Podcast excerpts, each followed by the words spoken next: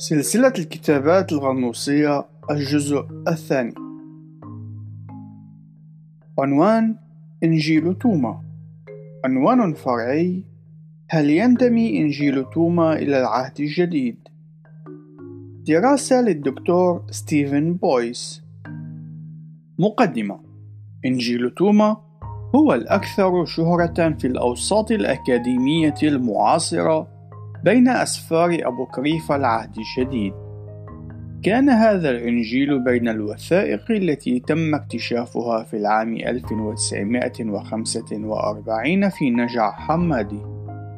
إن مجموعة مخطوطات نجع حمادي تتكون من ثلاثة عشر مخطوطة قديمة تحتوي أكثر من خمسين نصا أبوكريفيا أي منحولا.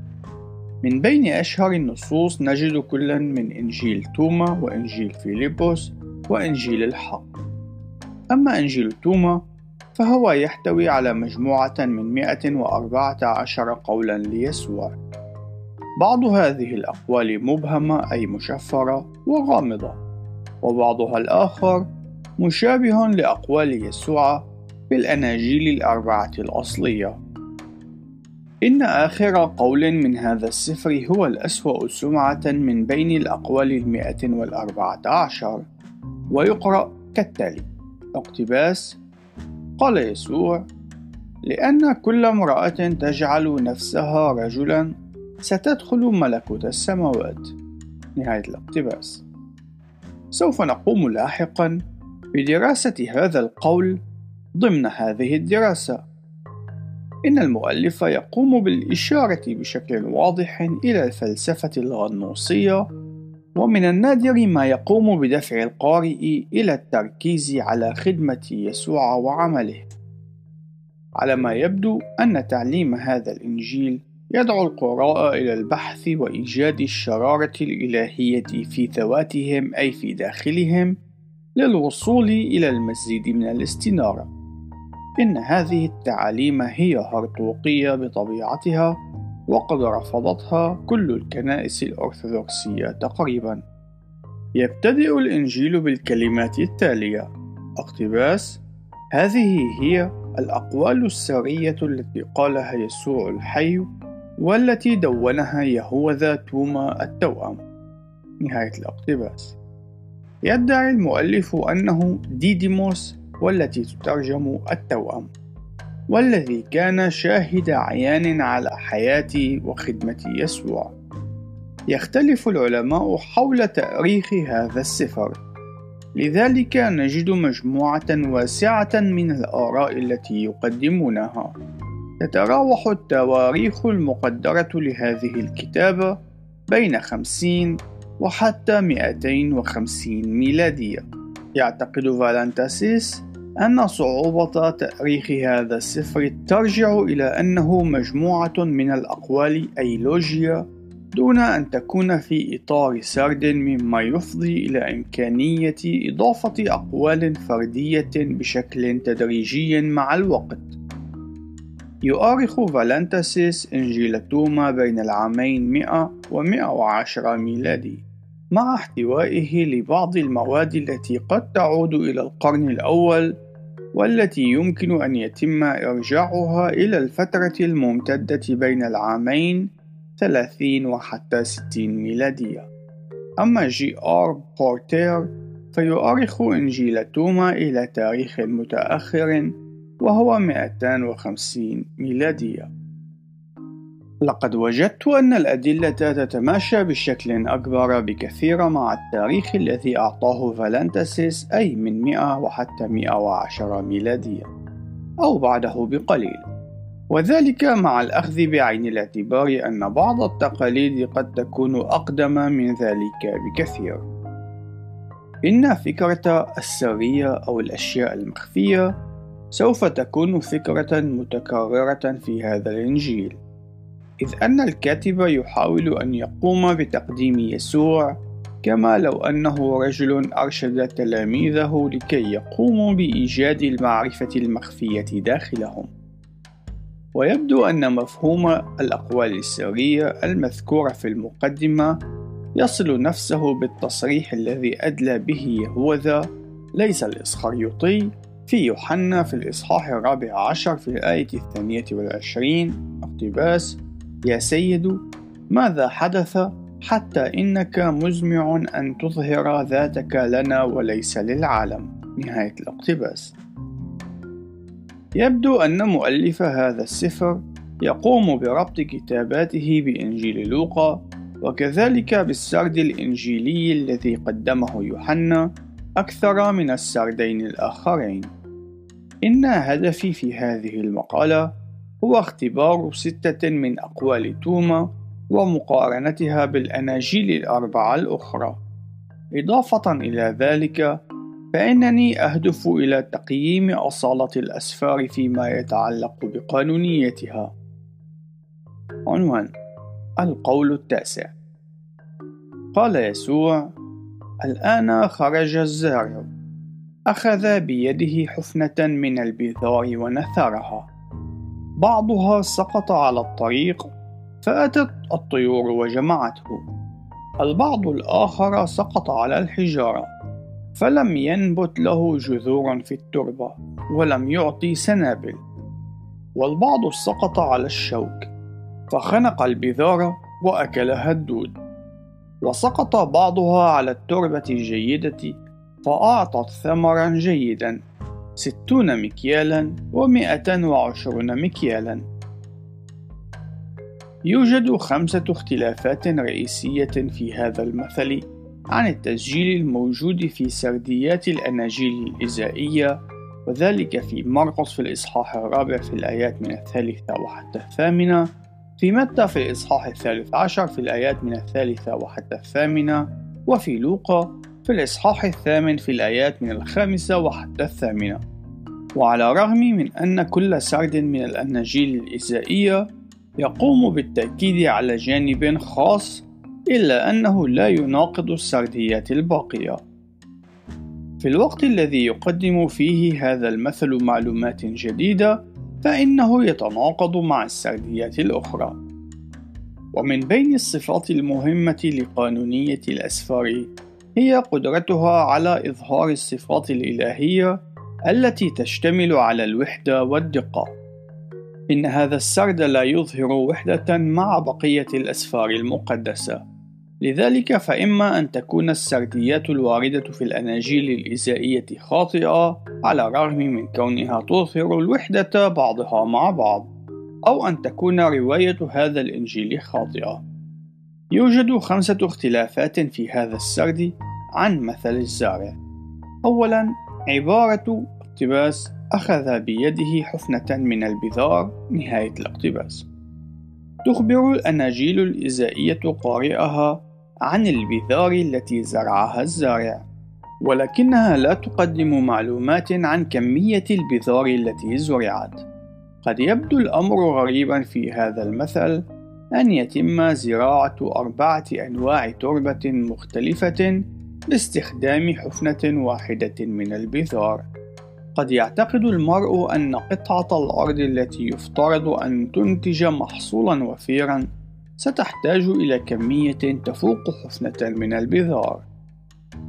ثانيا، اختار المؤلف أن يضيف عبارة اقتباس لم تعطي سنابل نهاية الاقتباس وذلك عندما تحدث عن البذار التي سقطت على الحجارة والتي تتماشى مع سرد لوقا يقول جرانت وفريدمون بخصوص عدم إنتاج سنابل اقتباس نحن نتواجه في هذا المثل مع العقيدة النحشية القائلة بارتفاع البذار الصالحة إلى السماء نهاية الاقتباس.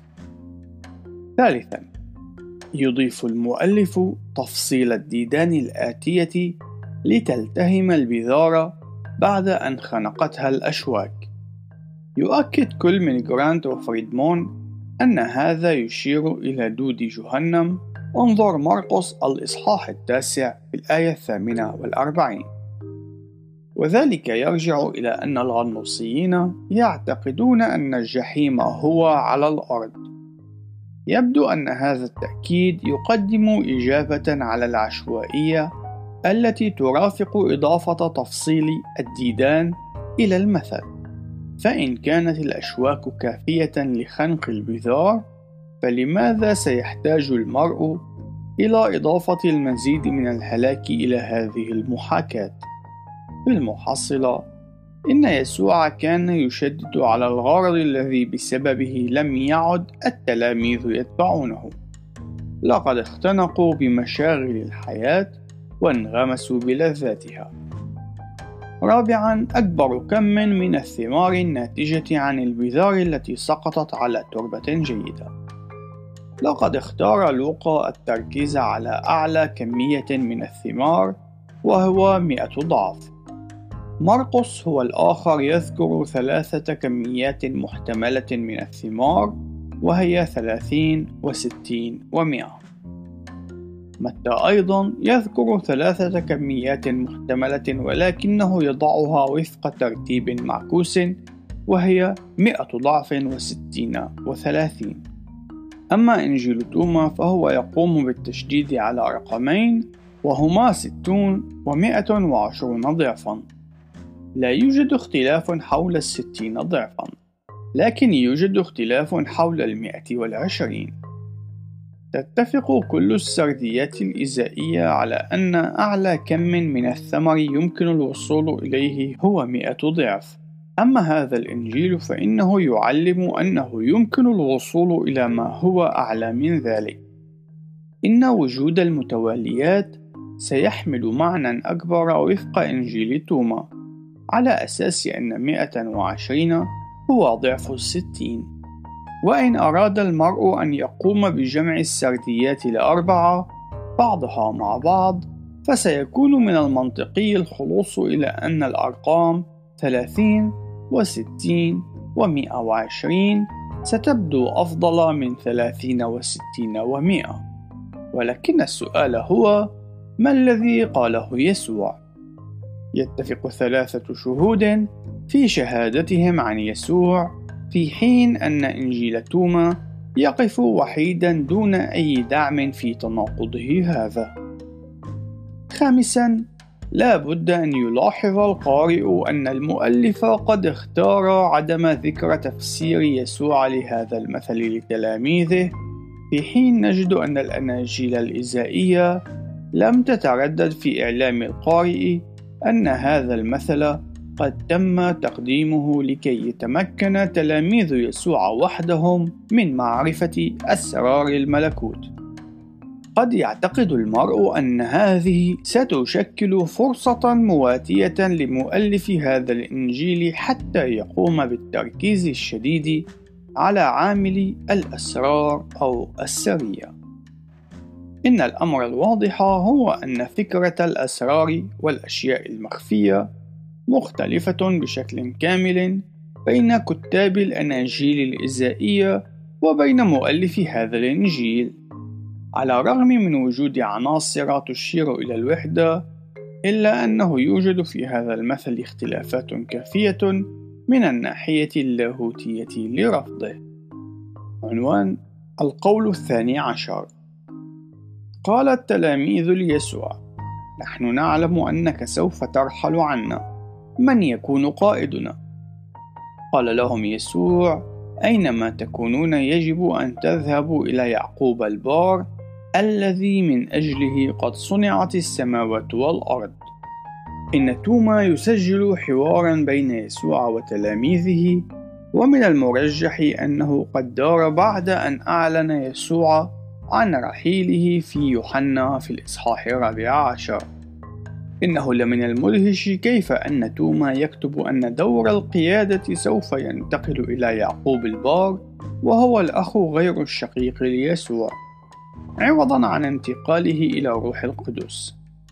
وذلك بحسب وصف يوحنا في الإصحاح الرابع عشر.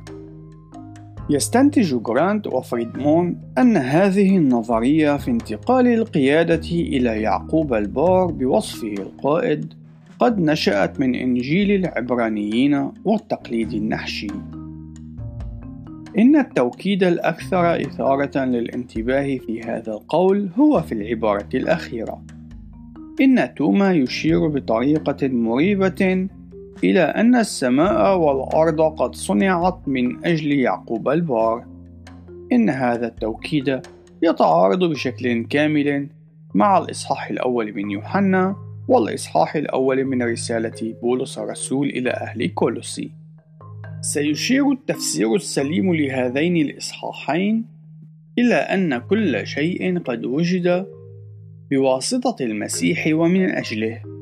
ولا بد أيضا من التنبه إلى أن بولس لم ينظر إلى يعقوب البار على أنه الشخص الوحيد الذي كان على رسل اتباعه بعد صعود يسوع.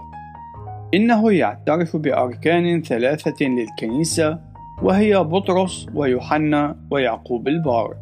وذلك في رسالة إلى أهل غلاطيا في الإصحاح الثاني في الآية التاسعة. إن الواضح هو أنه بالنسبة لبولس الرسول أن الروح القدس هو الذي سيقود كل هؤلاء الرجال إلا أن الكنيسة ككل سوف تتجمع خلف قيادة هؤلاء الرجال الثلاثة وليس يعقوب وحده. عنوان القول الثالث عشر. قال يسوع لتلاميذه قارنوني بشخص ما وأخبروني بمن أشبه. قال له سمعان بطرس أنت كملاك بار. قال متى؟ أنت كفيلسوف حكيم. قال له توما يا سيد فمي عاجز تماما عن قول من الذي تشبهه أنت؟ قال له يسوع أنا لست سيدك لأنك قد شربت وقد أصبحت ثملا من النبع الفوار الذي أرقته أنا. فأخذه وانسحب وقال له ثلاثة أشياء. حين عاد توما إلى رفقائه سألوه ما الذي قاله لك يسوع؟ فقال لهم توما إن قلت لكم أحد الأشياء التي قالها لي فإنكم سوف تتناولون حجارة وترمونها علي ونار ستخرج من الحجارة وتحرقكم. إن هذا السرد هو الأكثر إثارة للاهتمام في هذا السفر بأكمله وهو ينحرف بشكل كامل عن السرد الوارد في الأناجيل الإزائية إذ يقوم توما بسلب الاعتراف العظيم الذي اعترفه بطرس بخصوص جوهر يسوع. يستخدم المؤلف تشبيهات غريبة مثل الثمالة والنبع الفوار. نجد في هذا السرد أيضا أن يسوع كان يسأل تلاميذه عن الشخص الذي سوف يقارنونه به وتظهر السرديات الإزائية الثلاثة أن يسوع قد طرح نسخة مشابهة من هذا السؤال.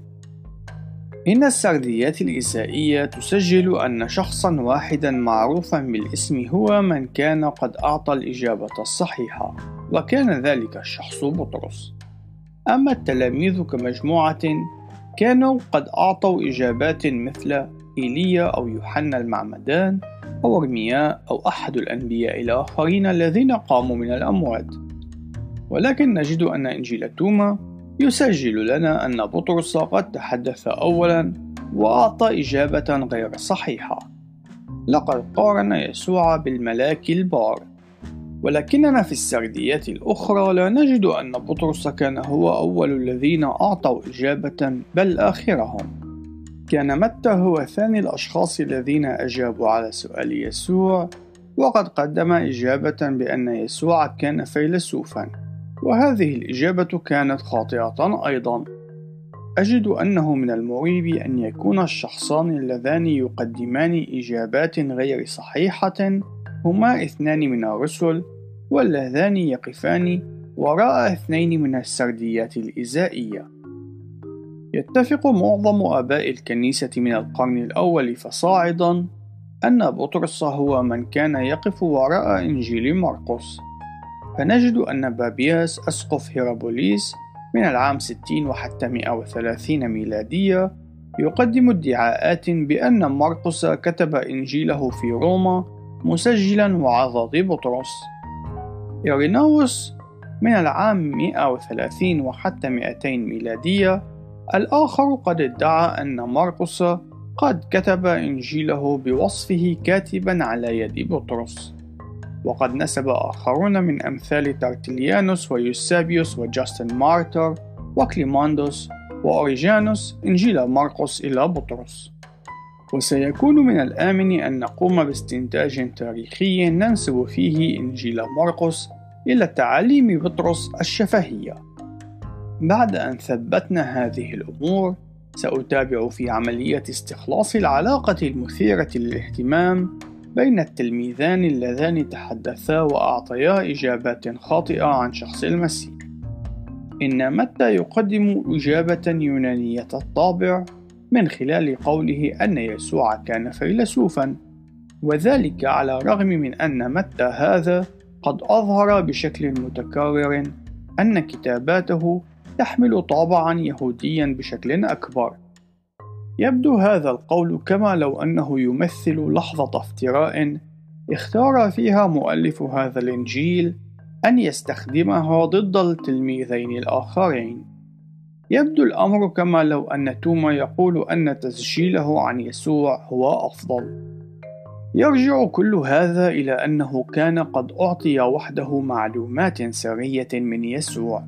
لا يستطيع أي شخص أن يقدم بشكل يقيني الدافع وراء هذا الأمر.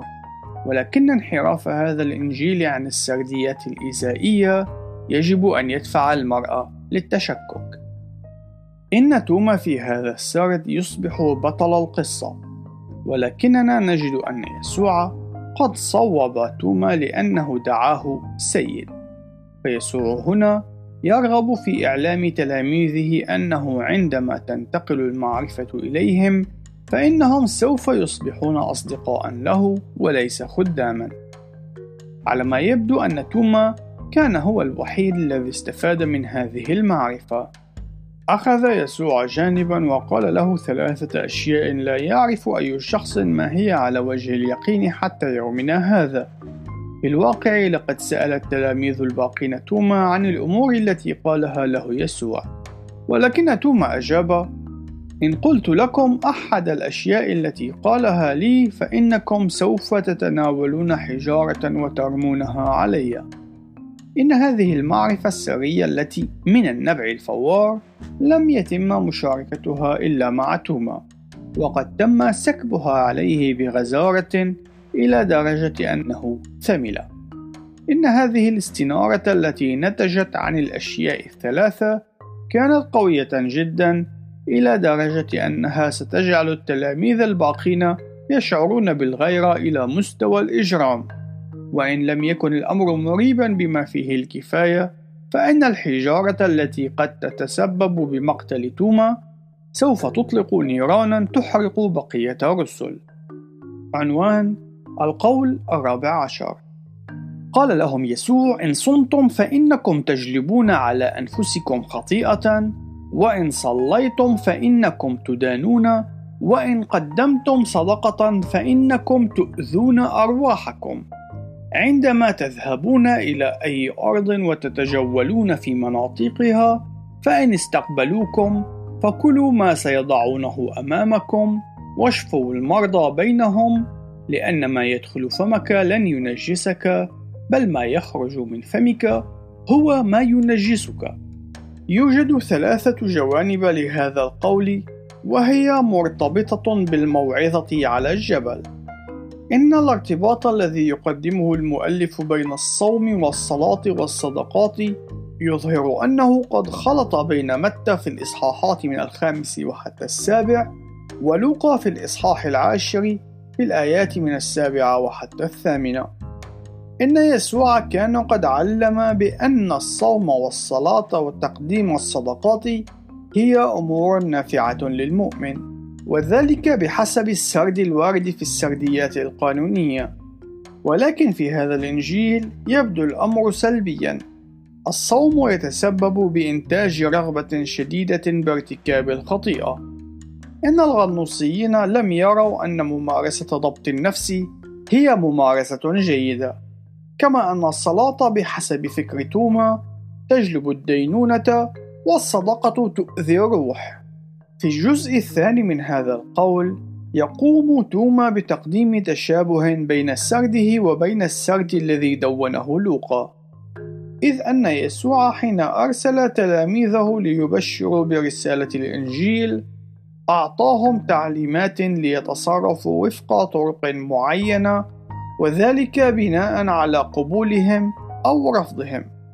إن توما يعلم القارئ بأنه يجب على التلاميذ أن يأكلوا أي شيء يقدم لهم، كما أعلم لوقا جمهوره. على ما يبدو أنه يوجد خطأ من قبل توما، وهو ما قد يثبت أن الإنجيل مزور. إن الكاتب كان يقوم بشكل واضح بالاقتباس من الإصحاح العاشر من لوقا وعلى ما يبدو شمل في اقتباسه عبارة اشفوا المرضى بينهم إن هذه العبارة لم تكن ذات طبيعة غنوصية وهذا هو المكان الوحيد في هذا الإنجيل حيث نجد ذكر الشفاء في هذا النوع من السياق. كتب جرانت وفريدمون اقتباس إن التصريح المتعلق بشفاء المرضى لا يمتلك أي صلة بالسياق في إنجيل توما إنه مرتبط فقط بمجموعة أقوال لوقا وبالتالي فإن توما قام بالنسخ من لوقا نهاية الاقتباس. عنوان القول الرابع والعشرون. قال له تلاميذه أرنا المكان الذي أنت فيه حيث أنه يجب علينا أن نطلبه.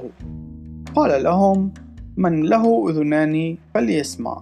يوجد نور داخل إنسان من نور وهو ينير العالم بأسره فإنه إن لم ينر فهو ظلمة. يتم تقديم هذا السؤال إلى يسوع باهتمام كبير. كان تلاميذه يتساءلون عن السعي إلى المكان الذي سيكون فيه يسوع. يمكن أن يتم فهم هذا الطلب بطريقة أفضل على أساس أنه يظهر رغبتهم برؤية الآب. تماما كما كان طلب فيلبس في يوحنا في الإصحاح الرابع عشر في الآية الثامنة حين قال أرنا الآب. ونجد في إنجيل يوحنا أن يسوع قد أشار إلى نفسه من خلال إجابته اقتباس الذي رآني قد رأى الآب. نهاية الاقتباس. في هذا الإنجيل نجد أن يسوع يشير إلى النور الذي في داخلهم. نجد من جديد الاختلافات بين لاهوت الأناجيل القانونية وبين لاهوت الأناجيل الغنوصية. إن السرد القانوني يعلمنا بأن الإنسان ضائع في الظلمة.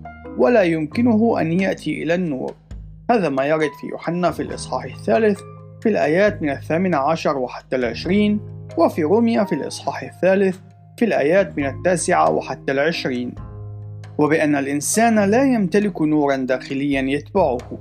إن النور الذي للإنجيل وحده هو الذي يستطيع أن يقوم بتحويل أبناء الظلمة إلى أبناء للنور كما يرد في رسالة بطرس الأولى في الإصحاح الثاني في الآية التاسعة. عنوان القول الرابع عشر بعد المئة. قال له سمعان بطرس قل لمريم أن تفارقنا لأن النساء لسن أهلا للحياة.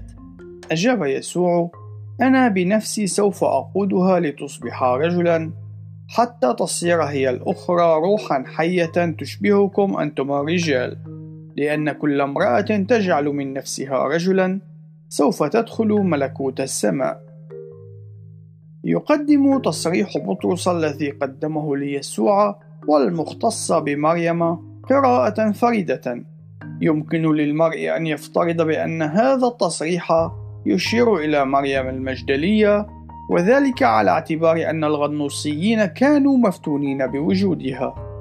إضافة إلى ذلك يبدو أن دخول الحياة الأبدية يتطلب تغييرا في الجنس.